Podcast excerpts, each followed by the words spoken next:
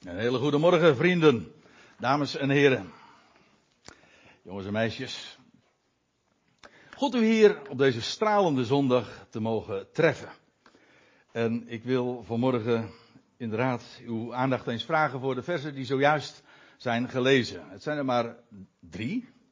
Precies in het midden, in ieder geval thematisch, in het centrum van de Romeinenbrief. Eigenlijk zou je kunnen zeggen dat wat we gelezen hebben, dat ligt op het breukvlak van de twee hoofddelen van de Romeinenbrief. Die uiteenvalt dus in, in twee delen. Het eerste, hoofdstuk 1 tot en met vers. Uh, hoofdstuk 1 tot uh, hoofdstuk 11, tot en met hoofdstuk 11. Waarvan we zojuist dus het slotvers hebben gelezen. Dat is het onderwijs, de leer, dat wat Paulus te melden heeft. Men noemt het ook wel theorie, maar dat klinkt mij nou weer net even te abstract. Maar goed, daar, zullen we nu dan maar niet al te veel over vallen. Het tweede deel, vanaf hoofdstuk 12 tot aan het einde, tot en met het zestiende hoofdstuk, dat gaat heel specifiek, dat lijkt mij nogal duidelijk, over de praktijk, over de toepassing van die leer, van dat onderwijs wat Paulus eerst heeft gegeven.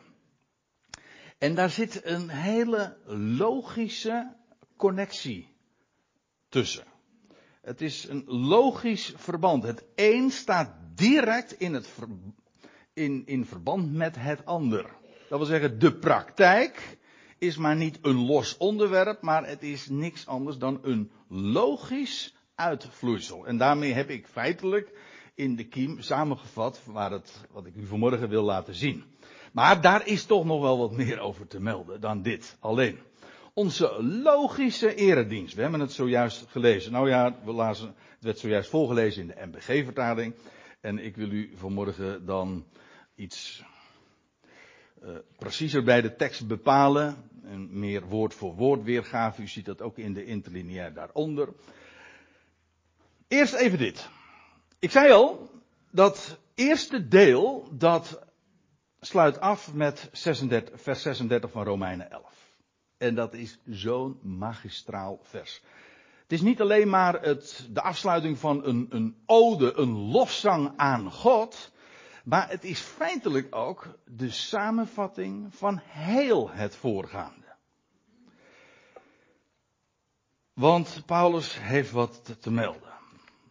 Dat begint in hoofdstuk 1 en dan spreekt hij over, dat is de uitdrukking die hij gebruikt in deze brief, het evangelie, het goede bericht, de blijde tijding van God. Waartoe hij gesteld is als een afgevaardigde, een apostel voor de natieën. En dat zet hij allemaal heel ordelijk, systematisch haast uiteen. Waarom?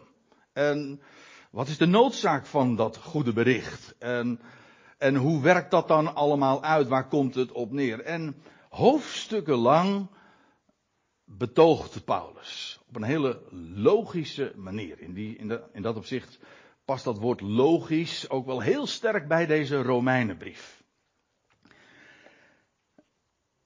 En waarbij hij laat zien dat alles in Gods plan besloten ligt. Alles. God is God. Dat is trouwens Romeinen 1, vers 21. God is God. En zo zet hij zijn heerlijkheid ook uiteen. Hij is degene die alles ooit niet alleen schiep, maar ook tevoren bedacht, uiteraard. Want voordat je iets maakt, moet je eerst iets bedenken. Maar daar ook een plan mee heeft.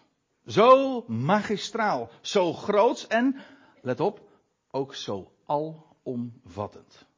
En nooit gaat er bij hem iets mis. Hij heeft nooit hoeven overschakelen op plan B of plan C. Hij is nog steeds op plan A. Gewoon zijn plan dus. En het komt allemaal uit hem voort. Hij is degene die het vervolgens ook uitwerkt door de wereldtijdperken heen. En hij is ook degene tot wie alles is. Dat wil zeggen, alles komt uit hem voort, maar, en dat is de clue ook van deze brief, niet alleen maar van het laatste gedeelte van hoofdstuk 11, maar Paulus had het al in de hoofdstukken 3 en hoofdstuk 5 zo duidelijk uiteengezet. Dat ondanks zonde en ongeloof, wat trouwens ook al helemaal niet een misser was of waarbij God met de handen in het haar, het was allemaal het plan. De mens moest inderdaad, zo vanuit dat oogpunt beschouwd, moest inderdaad ook overtreden. Ik zal straks trouwens een vers laten zien waar dat heel duidelijk ook naar voren komt. Maar eerst even dit. Het is dus allemaal vanuit hem, heel de schepping. Hij heeft het bedacht, hij heeft het gecreëerd. Hij is degene door wie het allemaal plaatsvindt, door wie het ook beschikt wordt. Het is niet zo van dat hij aan het begin stond als een, als een wekker uh, het opgewonden heeft en vervolgens, nou dan gaat het, uh, mag de schepping zijn gang gaan. Nee, hij is degene die alles in zijn hand heeft. Alles. Hemel en aarde, ieder creatuur, groot, klein, alles bestaat door hem. Maar het geweldige is, er is er maar één. Er is maar één God. Maar omdat alles uit hem is, alles door hem is, komt het ook allemaal goed. Het is alles ook weer tot in hem. Zoals uit hem voortkomt, zal alle, elk schepsel ook weer tot hem terugkeren. Het is ook voor hem. En die drie voorzetsels, vanuit, door en tot in, of de bron tot in, het kanaal door en tot in, de bestemming, of nog anders gezegd, verleden vanuit, heden door en toekomst tot in, alles is van en in hem. Alles. Let dan ook inderdaad op, die na, op dat woord alle dingen. Elk creatuur. Er is geen uitzondering. En dat is niet alleen een geweldige samenvatting, maar dat demonstreert ook precies waarom het zo'n geweldige blijde tijding is. Daar ga je echt van stralen. Er is er één. één. Nou, laten we eerst nog even doorlezen. Want wat, wat is dan de logische consequentie daar dan weer van? Als alles uit, door en tot in hem is,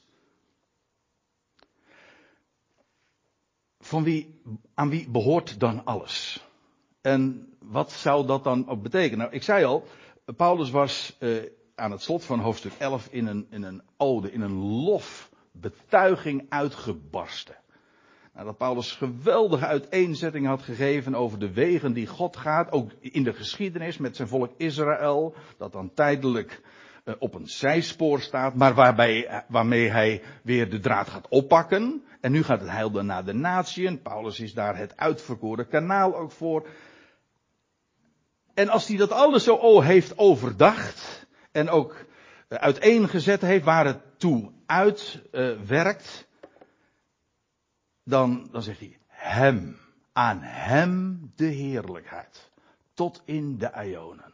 Niet tot in eeuwigheid, nee, tot in de ionen. Die wereldtijdperken die nog gaan komen. Weet u, dit is niet alleen maar een oproep. Als er staat van aan hem de heerlijkheid, dat betekent niet alleen maar van mensen, of laat ieder, of laat elk schepsel hem de heerlijkheid geven. Dat is wel zo. Maar het is nog veel meer, het is een voorzegging. Aan hem zij de heerlijkheid. De heerlijkheid die nog gaat komen in de, in de tijdperken, in die wereldperioden die nog zullen volgen, waarin Christus zal heersen. Kijk, we zullen straks trouwens ook nog zien dat we nu leven in een boze aion. De dag mag dan stralend zijn, maar uh, kijk niet al te veel verder. Hm? Dan, dan, dan weten we allemaal wel uit ervaring. En als je het nieuws volgt en alles in deze aion, dat is verdraaid, is boos. De waarheid wordt verdraaid, hij wordt niet gekend. Maar als deze boze aion ten einde zal gebracht worden, en er, dan gaat God ingrijpen. Nee, dat is juist Gods ingrijpen. En dan vangt er een heel nieuw tijdperk aan. tijdperken waarin Christus zal heersen. Christus zal heersen. Hij heerst niet in de tegenwoordige eon, hij heerst in de toekomende eonen. Aan God zal de heerlijkheid toebehoren in de toekomende eonen. Ziet u, dat is dus ook een voorzegging. Aan de heerlijkheid van de toekomende eonen, van wie is dat? Uit wie is dat? Wel, aan Hem. Dit is op zich dus alweer een, een geweldige toekomstverwachting die wij mogen kennen. De wereld mag zich dan druk maken over, over de toekomst van planeet Aarde, maar wij weten beter. Ja, de, deze boze ion die gaat nog dramatisch afgesloten worden, maar it's all in control. Het is alles in zijn hand. En hij is degene die ervoor gaat zorg dragen dat die tijdperken die nog gaan volgen, totdat ook die zullen voltooid zijn en waarbij, en dan zal ja God alles worden in allen. Ja. Maar dat is nog een heel proces te gaan. Aan hem zij de heerlijkheid. Niets verloopt buiten zijn plan om aan hem zij de heerlijkheid tot in de Ionen. En dan zegt Paulus, amen. Zo is het. Dit is waar het allemaal omdraait en waar het allemaal om gaat. Vers 36 voor Romeinen 11. Dat was de, het laatste vers dus van dat eerste deel. En dan begint hoofdstuk 12 vers 1. Ik moet er even bij zeggen, wellicht ten overvloede, maar over, met die vers- en hoofdstukindeling daar moet je je niks verder van aantrekken. Het is handig om iets, uh, iets terug te vinden, maar uh, dat is het zo ongeveer ook. Het is niet zo van dat Paulus zegt, oh nou ga ik hoofdstuk 12 vers 1 beginnen. Nee, dat is pas veel later eh, hebben ze dat voor de handigheid, hebben ze dat eraan toegevoegd. Maar goed, op grond van dat alles, zegt Paulus dan, ik moedig jullie dan aan, broeders, niet ik vermaan u. Dat is weer dat Calvinistische vingertje, weet je wel. Nee, nee, nee. Niet ik, ik vermaan jullie, nee, ik moedig jullie aan. Ik roep jullie op. Dan, hè. Ik moedig jullie dan aan, broeders. Dat wordt je dan, dat geeft aan dat het een logische consequentie is. Het volgt logischerwijs uit het voorafgaande. En niet alleen maar aan het direct voorafgaande van vers 36, maar dus eigenlijk het vloeit voort uit heel het voorafgaande van hoofdstuk 1 vers 1 tot 11 vers 36. Ik moedig jullie dan aan, broeders, door de erbarmingen van de God. Daar had Paulus over geschreven. Trouwens, nog heel kort tevoren, in hoofdstuk 11 ook, had hij gesproken over de ontferming van God. Over het feit dat God geeft om zijn schepping. Hij heeft het zelf gemaakt. Hij heeft daar een plan mee. Elk schepsel, elk mens kent hij. En dat laat hij nooit varen. En als het in de misère is, dan heeft het ook een betekenis. Maar hij ontfermt zich erover. Het gaat er allemaal om, om te laten zien, heel die, al die ionen die, die demonstreren wie God is. En wie is God? En wat is hij? Wel, hij is liefde. En dat heeft Paulus uiteengezet. En in hoofdstuk 11, vers 32, dus dan hoef je nog maar een paar versen terug te lezen. Daar, dat was eigenlijk ook min of meer een samenvatting van, van vooral die laatste hoofdstukken, 9 tot en met 11. En daar schreef Paulus dit. Over die erbarmingen van God. Eerst, eerst staat daar dan in vers 32 van hoofdstuk 11. Want God sluit allen op in ongezeggelijkheid.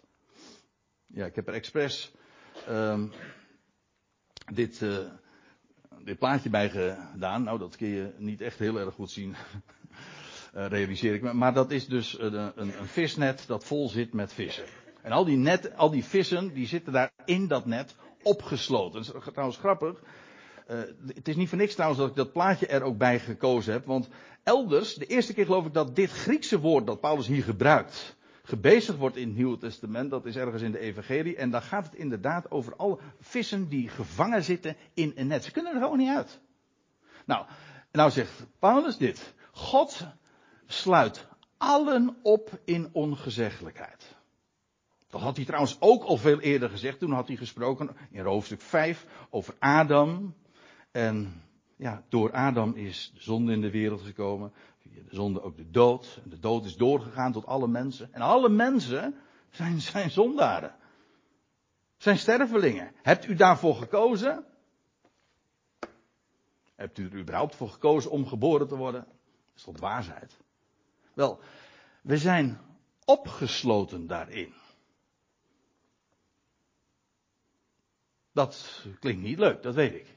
Maar als je het vervolg kent, en daarom zie je ook dat je, je moet ook nooit een, een oordeel en je aanmatigen voordat het eind daar is.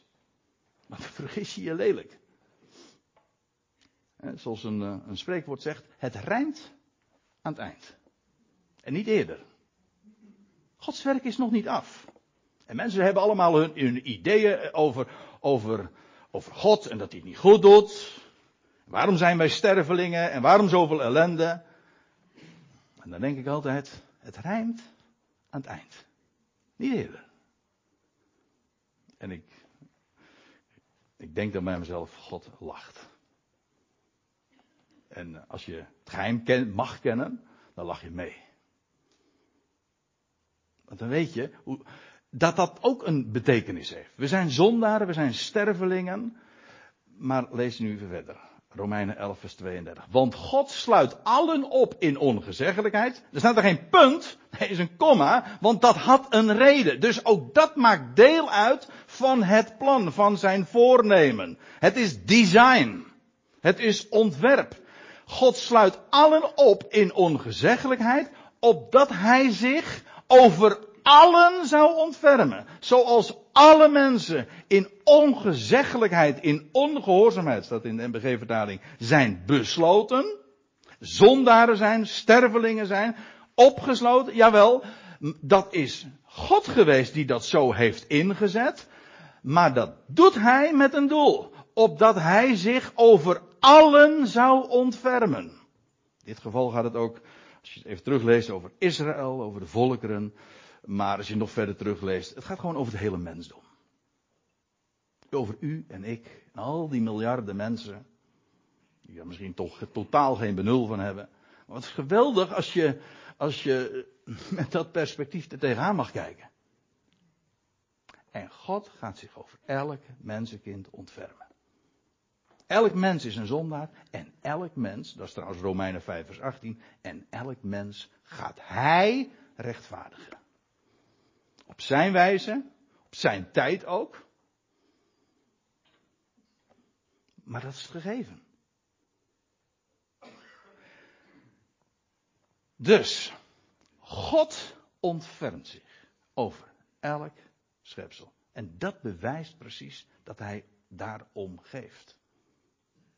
Heel de schepping wordt dus omspannen door zijn ontferming, door zijn liefde, door zijn genade. Kijk, over die God hebben we het. En dan, dan lees ik verder. We gaan weer even terug naar Romeinen 12. Als Paulus dan zegt, ik moedig jullie naam, broeders. Door de erbarmingen van God.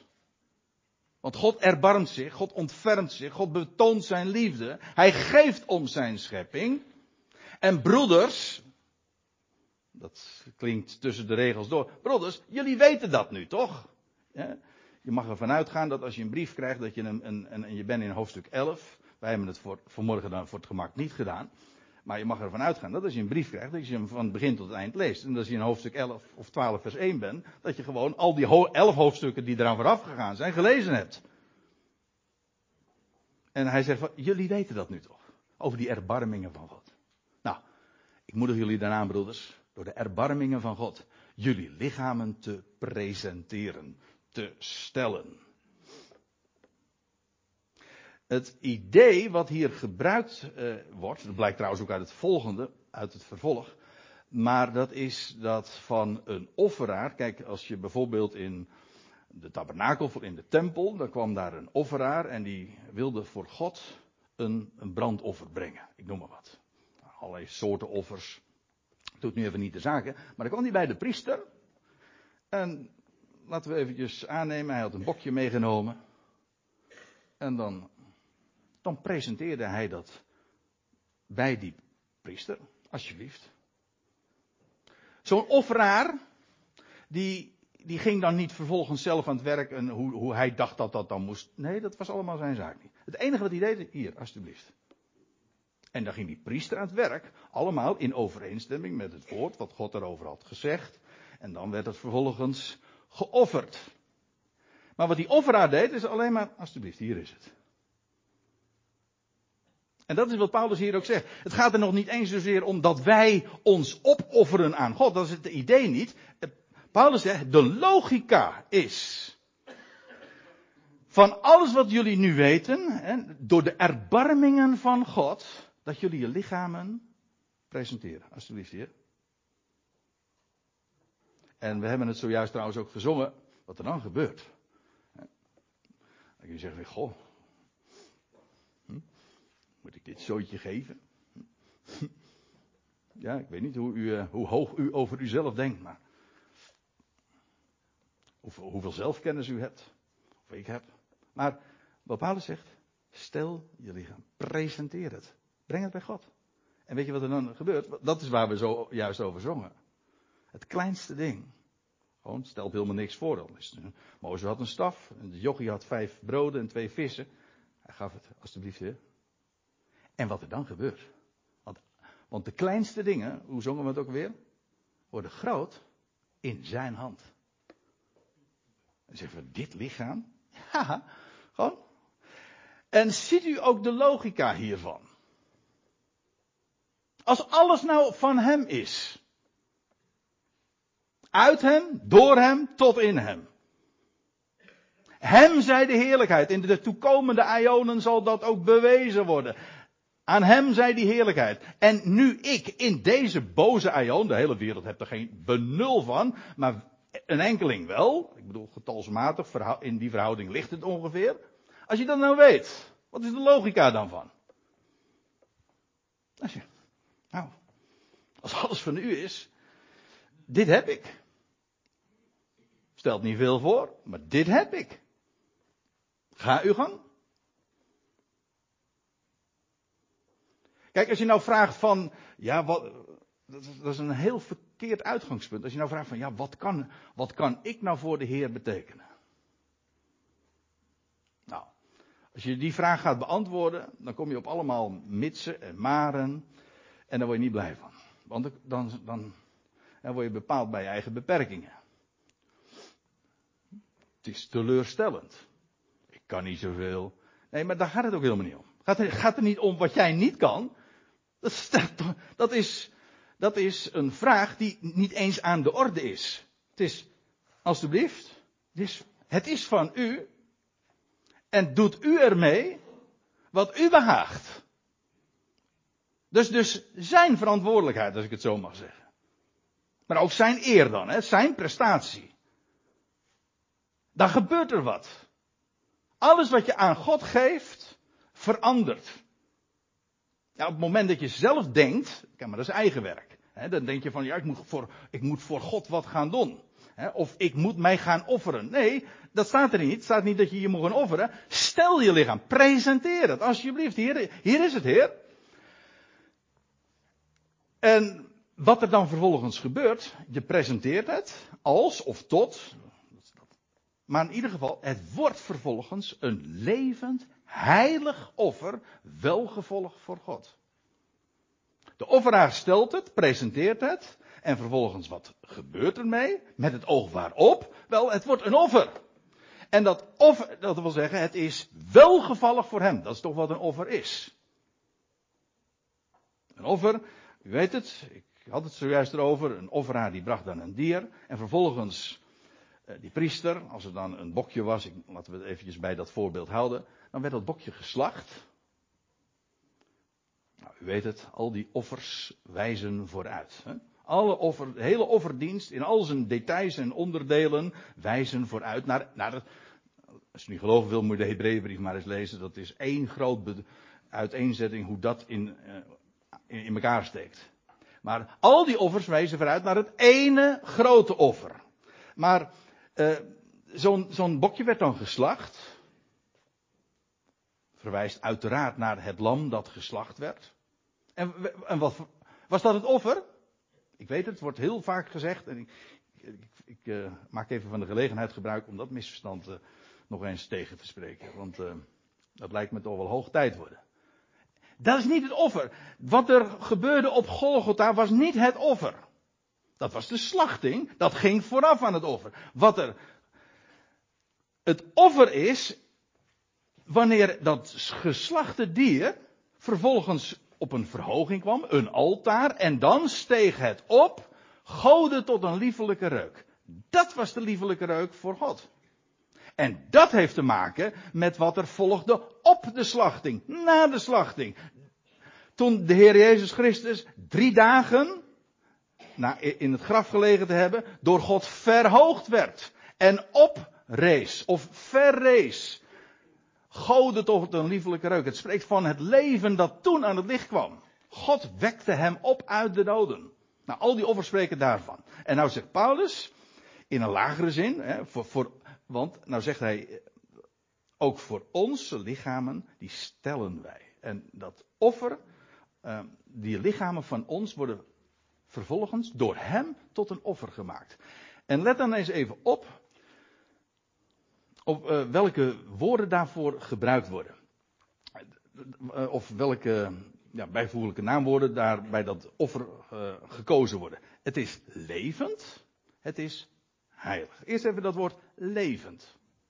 Nou, ik zei al, offers hebben feitelijk te maken met dat wat volgt na de dood. Als het oprijst, verrijst uit de dood. Maar dat geldt voor ons ook. Als wij ons lichaam stellen, Paulus had dat toch veel eerder naar voren gebracht. In, in Romeinen 6, ik wil u dat even voorlezen. In Romeinen 6, vers 4.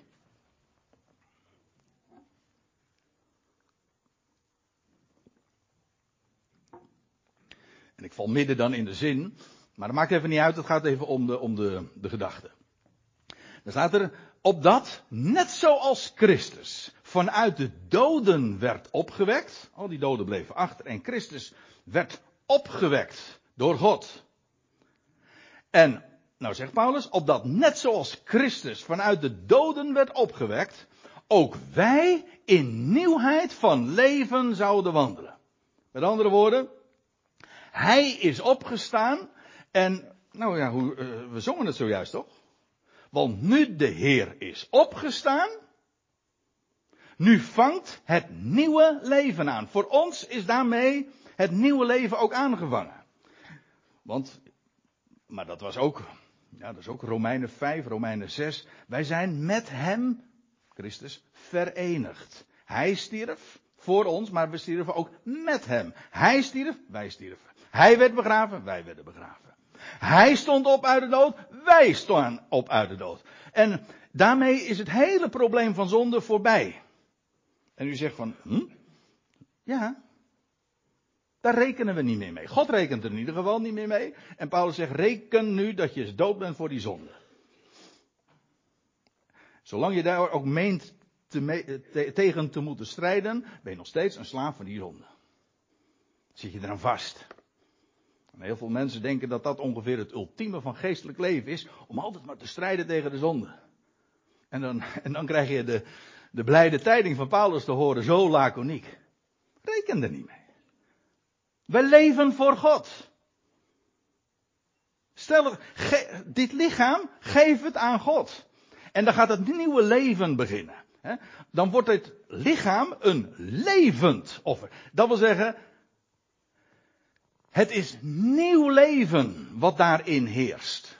Christus is opgestaan. Wij leven aan de andere kant van het graf. Zo, in een nieuwe schepping. Het oude is voorbij gegaan. Zie, het nieuwe is gekomen. Hoeveel teksten wil, wil je uit de. Nou, laten we dan ons even beperken tot Paulus. Hoeveel teksten wil je alleen in zijn brieven al, al uh, aangereikt krijgen waarin die waarheid naar voren gebracht wordt? Het blijkt moeilijk over te, over te komen, denk ik wel eens. Het nieuwe leven is aangevangen. Wij wandelen dus in nieuwheid van leven. Voor Hem. En we rekenen niet meer met de zonde. Nou, Paulus zegt als een, dat jullie je lichamen presenteren als een levend, heilig offer, welgevallig voor God. Het heilig, ja, dat moet je even ook lezen in het verband met, met het volgende, vers 2. Kom daar straks nog even op terug. Heilig betekent in ieder geval, het is apart gezet. Het wijkt ook af van de rest. Maar dat zullen we dan ook wel zien. En het is welgevallig voor God. Hoezo? Wel, dat is wat God ermee doet. En hij zegt er dan nog bij, dat is de logische eredienst van jullie. En dat is ook precies het thema van wat ik, wat u op het, eh, de eerste dia zag. De logische eredienst van ons. Dat is jullie logische eredienst. Wij hebben dus een eredienst. En wij, het woordje eredienst, daar denken wij meestal aan, aan een speciale samenkomst. Maar Paulus denkt helemaal niet in die termen. Paulus zegt, wat is jullie logische eredienst? Wel, dat is dat je zegt, alsjeblieft heer, dit lichaam is van u. Doe ermee wat u wil. En dan gaat God spreken. Want ja, het, uh, die logische eredienst. Je weet, nou, wat hadden we gezien? Het is een beetje misschien moeilijk te zien. Maar uh, we hadden gezien. Uit hem, door hem en tot hem zijn alle dingen. Nou, voeg daarbij de waarheid dat hem de heerlijkheid zij tot in de Ionen. Nou, 1 en 1 is 2 zeggen we dan. Dat is logisch. De consequentie is dat wij onze lichamen stellen. Dat is onze logische eredienst. Alsjeblieft, hier. Ga uw gang. Dit is van u. En je staat s morgens op. Dat is een mooi beeld. Je staat s morgens op. Je staat op. Inderdaad, de nacht is voorbij. En wat zeg je dan? Heer, wilt u mij helpen om vandaag de zonde te voorkomen en dat ik maar sterk mag zijn in de strijd daartegen? Dat lijkt heel vroom, maar dat is niet wat Paulus zegt hoor. Dat, weet, u wat, weet u wat het is? Je zegt, Heer, dit is van u. En u bent bij machten vandaag oneindig veel meer in mijn leven te doen dan ik nu weet of besef. Dank u wel daarvoor. Ik ben benieuwd, Heer. Kijk, het mooie daarvan is, jij kunt dan al niet eens meer falen. Je falen doe je alleen maar als je iets van jezelf verwacht. Maar je verwacht helemaal niks van jezelf. En hij kan niet falen, want bij hem gaat er nooit iets mis. Dus ja, dat lijkt me echt toch wel heel plezierig opstaan hoor. Met het goede been uit bed, eh, om zo te zeggen. Dan sta je meteen, dan sta je inderdaad meteen goed op. En dat is onze logische eredienst. Zo logisch. Want het was toch allemaal gena. Hij doet het toch? Nou, dan, dan zeg je van, alsjeblieft heer, als u het dan doet, niet alleen maar in het verleden, zo van, ik ben uh, van, nu van mijn verleden verlost, en daar rekent de heer niet meer mee, en nou mag ik vervolgens mijn best gaan doen. Mensen denken dat altijd, dat dat dan de praktijk is. Nu mag ik mijn best gaan doen om te gaan strijden, en om er nog wat van te maken in mijn leven. Om nu voor hem te gaan leven. Nee. Dan is het nog werken. En daar word je nog niet blij van. Nee, het is uit Hem en door Hem en tot Hem. Dat is niet alleen maar de waarheid van het verleden en tot Hem komen. Nee, het blijft ook de waarheid. En dat is leven uit genade. Ik ben er erg blij mee hoor. Ik wil nog eventjes naar vers 2 ook gaan, want dat hoort er uh, ja, direct ook bij. En Paulus zegt dan, word niet gelijkvormig aan deze aion. Wat er mis is met deze aion, we hadden het er zojuist al over. Die toekomende ionen, dat zijn de grootste. Dat zijn in de Bijbel ook die, die overtreffende ionen. De ionen der ionen. Maar dit is de tegenwoordige, zo wordt het in de Bijbel ook genoemd, de tegenwoordige boze ion. Waarin de waarheid ten onder gehouden wordt. En waarin mensen ja, geen idee hebben van, van wie God is. Maar in deze ion straalt een licht. Nee, niet de zon. Het is nacht. Maar er stralen sterren. Er straalt licht in de nacht. En als je dat licht kent, ja, dan, dan heb je een heel andere perceptie, een heel andere perspectieven. En dat maakt je anders. En de hele wereld die. Hè? Nou ja, dat plaatje illustreert het. Dat, dat is de Aion om ons heen. Die ziet het ook niet zitten. Die heeft trouwens ook helemaal geen idee waar ze vandaan komen. En die heeft ook geen idee dat het allemaal in zijn plan plast. Nou, nee, moet ik wel goed zeggen. In zijn plan past, ja. En, en dat hij dat allemaal beschikt. En dat er een God is. En dat het allemaal goed komt, want er is één God. Als je dat niet weet, ja, dan ben je, dan sta, dan je nooit dat optimisme. Maar dat is nou juist het geweldige. Als je deze vreugde, dat goede bericht, die blijde tijding mag kennen, ja, dan ben je met een opgeheven hoofd. Dan ken je een God die zich ontfermt. Ook over die mensen trouwens waar, je, waar jij zo over in zit misschien. Die, hij ontfermt zich. Wat is er mooier om dat te vertellen ook aan andere mensen. Wordt niet gelijkvormig aan deze aion. Ik moet er even snel doorheen gaan, want ik wil eventjes nog naar het laatste ook van dat vers. Maar onderga een metamorfose. Nee, zo staat het niet in de NBG-vertaling. Maar dit is wel het, het, woord wat Paulus in het Grieks ook gebruikt. Metamorfose is eigenlijk een Grieks woord. Dat betekent een, een gedaanteverwisseling. Het bekendste voorbeeld dat we daarvan uh, in de natuur zien. Er zijn veel meer voorbeelden. Dat illustreert allemaal Gods werk, maar hoe een rups bijvoorbeeld een vlinder wordt. Dat is een totaal ander bestaan. Oh, elke vlinder die je ziet was ooit een rups met duizend pootjes vast aan deze aarde en in kleurenpracht vliegt het uiteindelijk de blauwe hemel in, zeg maar. Kijk, dat is, dat is metamorfose. En Paulus zegt, natuurlijk is dat ook een beeld van, van opstanding, van ons opstandingslichaam, maar ook nu al onderga een metamorfose. Dat is trouwens ook niet iets wat je doet. Een rups die zit niet, die denkt niet van nou, ik ga nou eens lekker poppen. of om nou ja, wat zeg ik nou allemaal? Uh, uh, of die, nee, nou die, ik, überhaupt denkt hij niks, denk ik. Maar uh, die, die zegt op een gegeven ogenblik, laat maar hangen. Hè? En dan, en dan gaat er een proces in werking treden. Waar die rups, maar wij ook totaal geen idee van hebben. Een compleet godswonde. Het is dat we het gewoon in de natuur aanschouwen. Anders zou je zeggen, dit is crazy, dit kan, dit kan niet, dit bestaat niet. Nee, maar het gebeurt. Kijk, dat is metamorfose. Dat is iets wat je ondergaat. Dat staat er ook. Hè? Maar onderga een metamorfose. Hoe dan wel? In, Paulus zegt erbij, in de vernieuwing van het denken. Aha. Van het denken. Kijk, ons lichaam is niet anders dan dat van, van uw buurman of uw collega of van al die andere mensen. Het is gewoon sterfelijk. Onderhevig aan exact dezelfde processen als, uh, als, uh, als elk andere lichaam. Jawel, maar het gaat er ook niet om dat lichaam. Het gaat erom wat erin zit. Het gaat, dit is het aardevat. Wij, wij hebben een schat in aardevaten. En dat is dat, de binnenkant. Dat is ons denken. Dat is wat we eigenlijk echt zijn.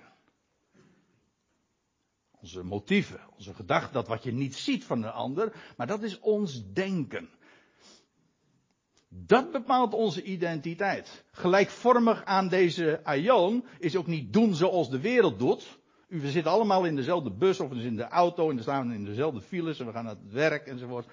Er is niet zo gek veel verschil. Houden ons kopje koffie op dezelfde manier vast als uw collega. Dat is het niet. Gelijkvormig aan deze aion is niet doen zoals de wereld doet, maar het is denken zoals de wereld denkt. En oké, dat daardoor ook je gedrag anders wordt, dat is, dat is waar. Maar het begint, is de binnenkant. We leren geen kunstjes. Is niet, we worden geen kuddedieren en gevormd voor, in een bepaald schabloon van zus en zo moet je doen. Nee, het is een verandering van binnenuit. We ondergaan een metamorfose. Hoe? Wel door de vernieuwing van het denken. En dat is niet een kwestie van andere denktrucjes aanleren. Maar dat is doordat wij een woord horen dat ons transformeert. En dat is het geheim. We luisteren naar die God aan wie wij ons presenteren. Toch? Alles is van Hem. En nou, en nou, en nou, nou stellen wij ons lichaam, wij presenteren ons lichaam, dat is onze logische eredienst. En dan, God, dan gaat God tot ons spreken. Nou, Hij heeft tot ons gesproken. En dan gaat Hij zeggen wat Hij bij macht is te doen. En dan vertelt Hij wie Hij is en van Zijn plannen. En dan val je van de ene verbazing en verrassing in de andere. Kijk, en dan wordt je denken vernieuwd. Totaal, iedere dag. Dat is een proces dat, dat gaande is en gaande blijft. Want als Hij zijn woord en zijn belofte aan jou geeft, dan vernieuwt jouw denken en mijn denken. We luisteren gewoon naar hem. Als je iemand wil leren kennen, als je die grote God, uit wie, door wie, tot wie, alles is, als je die wil leren kennen, ja, wat, hoe zou je hem anders leren kennen door gewoon te luisteren naar wat hij te melden heeft? Dat lijkt me nogal logisch. Trouwens, logisch, dat komt van het Griekse woord logos. En logos is ook gewoon het woord voor woord. Dus onze logische eredienst is ook, we luisteren gewoon naar zijn woord. Wat hij te vertellen heeft.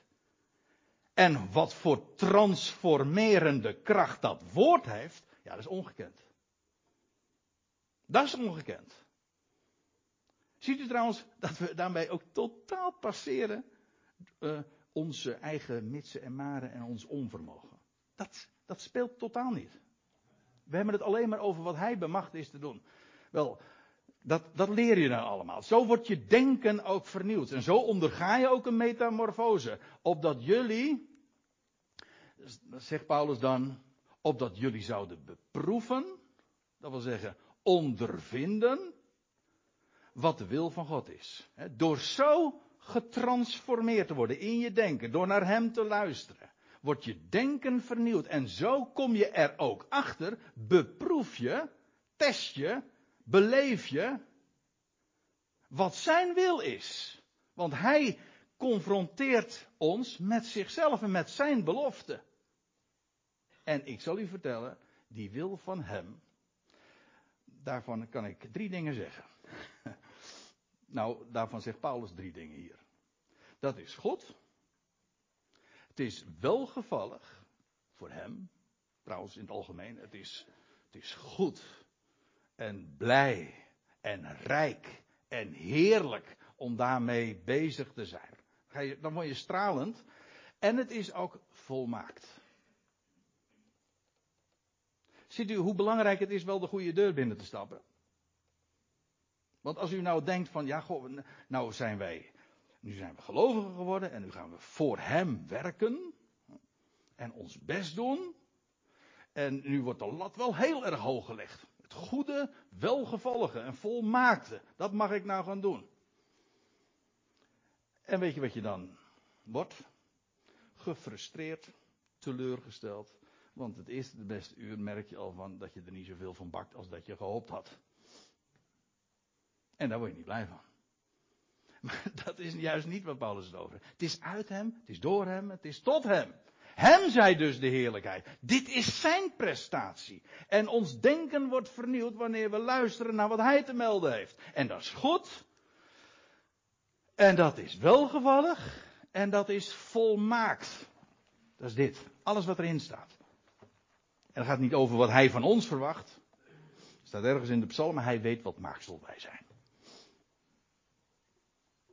En hij, dat is het mooie, hij stelt nooit teleur. En daarom kun je hem altijd, elke dag danken voor wat hij geeft. En ook zal geven. En wat hij doet. En heb geduld ook met elkaar. Ik bedoel, het is een proces, die vernieuwing van denken ook. Ga niet zeggen, ik ben hier en hij is nog maar daar. Of zij. Nou, nee. Dat is trouwens Romeinen 14. Of je, of je staat of valt, dat gaat je eigen Heer aan. Dat is, niet, dat, is niet, dat is niet jouw zaak of mijn zaak. Wijs op dat woord. Dat goed is, dat welgevallig is, dat volmaakt is. Kijk, Zo'n logische eredienst, dat is zo'n geweldig leven. In deze boze aion beleef je dan een geweldige heerlijkheid. En dan is er nog een heleboel te genieten. En dan heeft hij ons met nog zo enorm veel te verrassen. Amen.